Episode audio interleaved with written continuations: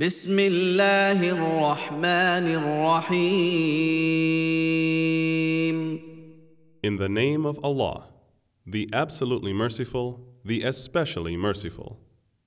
ألم تر كيف فعل ربك بأصحاب الفيل Have you not seen how your Lord dealt with the owners of the elephant? ألم يجعل كيدهم في تضليل Did he not make their plot go astray, وأرسل عليهم طيرا أبابيل and sent against them birds in flocks, ترميهم بحجارة من سجيل